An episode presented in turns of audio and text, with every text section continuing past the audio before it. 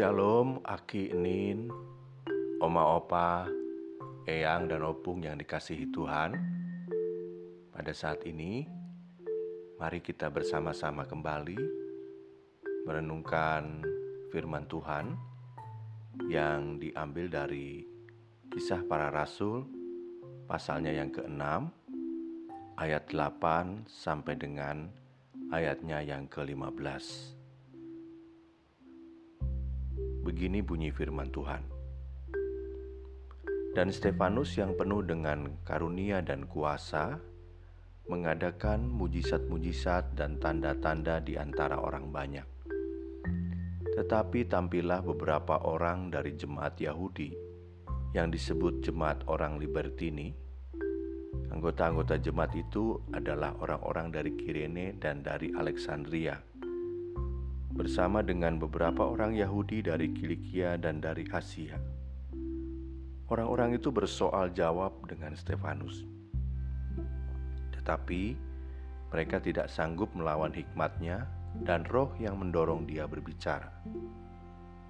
Lalu mereka menghasut beberapa orang untuk mengatakan, "Kami telah mendengar dia mengucapkan kata-kata hujat terhadap Musa dan Allah."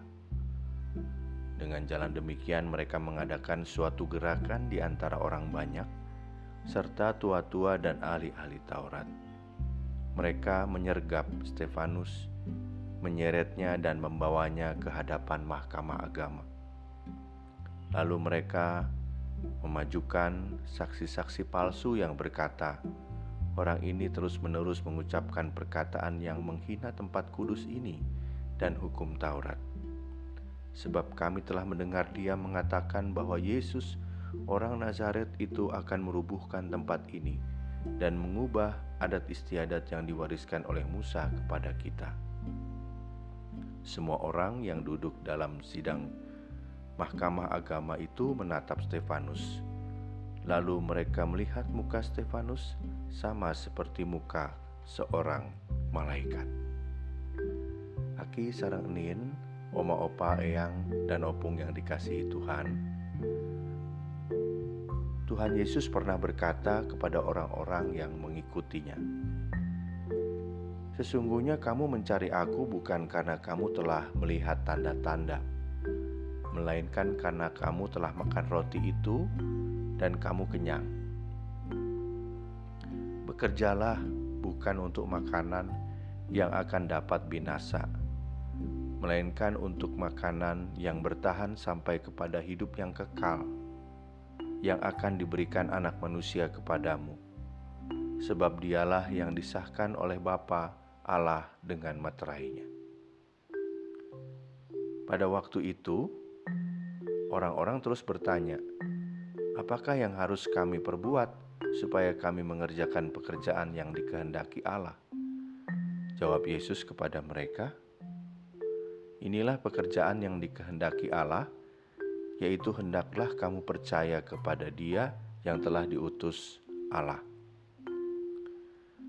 Aki sarang enin, oma opa eyang dan opung yang dikasihi Tuhan, percaya kepada Kristus bukan hanya dengan pikiran.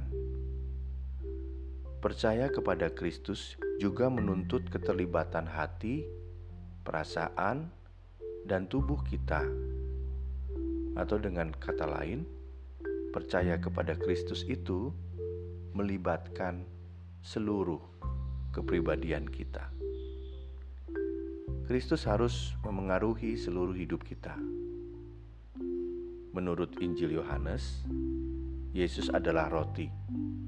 Dikatakan di dalam Yohanes 6 ayat 35, Akulah roti hidup, barang siapa datang kepadaku, ia tidak akan lapar lagi, dan barang siapa percaya kepadaku, ia tidak akan haus lagi. Aki sarang enin, oma, opa, eyang, dan opung yang dikasihi Tuhan, akan tiba saatnya dalam hidup kita bahwa iman kita ditantang. Mereka yang mempunyai iman mendalam akan bertahan meskipun mengalami penganiayaan, penderitaan, mereka tidak akan keletihan. Memang, untuk bisa percaya sepenuhnya kepada Kristus, kita membutuhkan dua hal, yaitu yang pertama, kehendak kita sendiri, dan yang kedua, rahmat dari Tuhan. Dalam firman Tuhan yang tadi kita dengar dan kita baca, kita mengenal seorang pelayan yang penuh dengan Roh Kudus, yaitu Stefanus. Orang ini melakukan banyak mujizat dan tanda-tanda di antara orang banyak pada waktu itu sudah menjadi sesuatu yang umum bahwa perbuatan yang baik yang dilakukan seseorang biasanya dapat menimbulkan kecemburuan dari banyak orang. Demikian juga yang terjadi dengan Stefanus. Orang-orang Yahudi dari Kirene dan Alexandria pada waktu itu mulai berdebat dengan Stefanus. Tetapi mereka kehabisan kata-kata mereka mulai menggunakan ayat-ayat suci untuk menghujat Stefanus. Namun Stefanus tetap tegar. Dikatakan di ayat 15, semua orang yang duduk dalam sidang mahkamah agama itu menatap Stefanus. Lalu mereka melihat muka Stefanus sama seperti muka seorang malaikat. Dalam kisah selanjutnya diceritakan Stefanus dibunuh sebagai martir karena imannya. Dalam hal ini, Stefanus menjadi contoh ketegaran hati dalam menghadapi lawan-lawannya, dalam menghadapi situasi yang sulit. Stefanus telah percaya sepenuhnya kepada Kristus.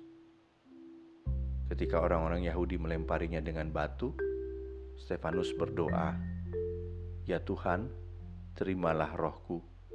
dan janganlah tanggungkan dosa ini kepada mereka. Aki, sarang enin, oma opa eyang dan opung yang dikasihi Tuhan, teruslah percaya kepada Kristus dengan seluruh kepribadian kita sampai kita bertemu dengan Tuhan. Percayalah kepada Kristus dengan segenap hati kita. Itulah yang membuat kita bisa bertahan di dalam segala situasi yang akan kita hadapi dalam hidup ini. Tuhan kiranya memampukan kita semua. Amin. Mari kita berdoa. Ya Allah, di dalam Yesus Kristus, kami bersyukur kepadamu. Kalau hari ini kami telah diberikan teladan melalui Stefanus, yang dengan kepercayaan dan imannya ia mampu melakukan banyak tanda dan mujizat dalam pelayanannya. Ia mampu tetap setia kepadamu ya Tuhan sampai ia mati. Bahkan ia memohon pengampunan sebelum ia mati atas orang-orang yang berbuat jahat kepadanya. Kiranya Tuhan memampukan kami pada saat ini memiliki iman yang teguh, percaya yang penuh kepada Kristus, Sang Juru Selamat, seperti yang Ia kehendaki sendiri kepada murid-muridnya, bahwa untuk mengikut dan percaya kepadanya, mengikut dengan sepenuh hati, dengan segenap jiwa, dengan seluruh kepribadian. Mampukan kami di usia senja ini untuk dapat melakukannya, ya Allah. Terus melakukan yang baik, terus percaya kepadamu dalam segala situasi yang kami hadapi dan yang akan kami alami dalam hidup ini.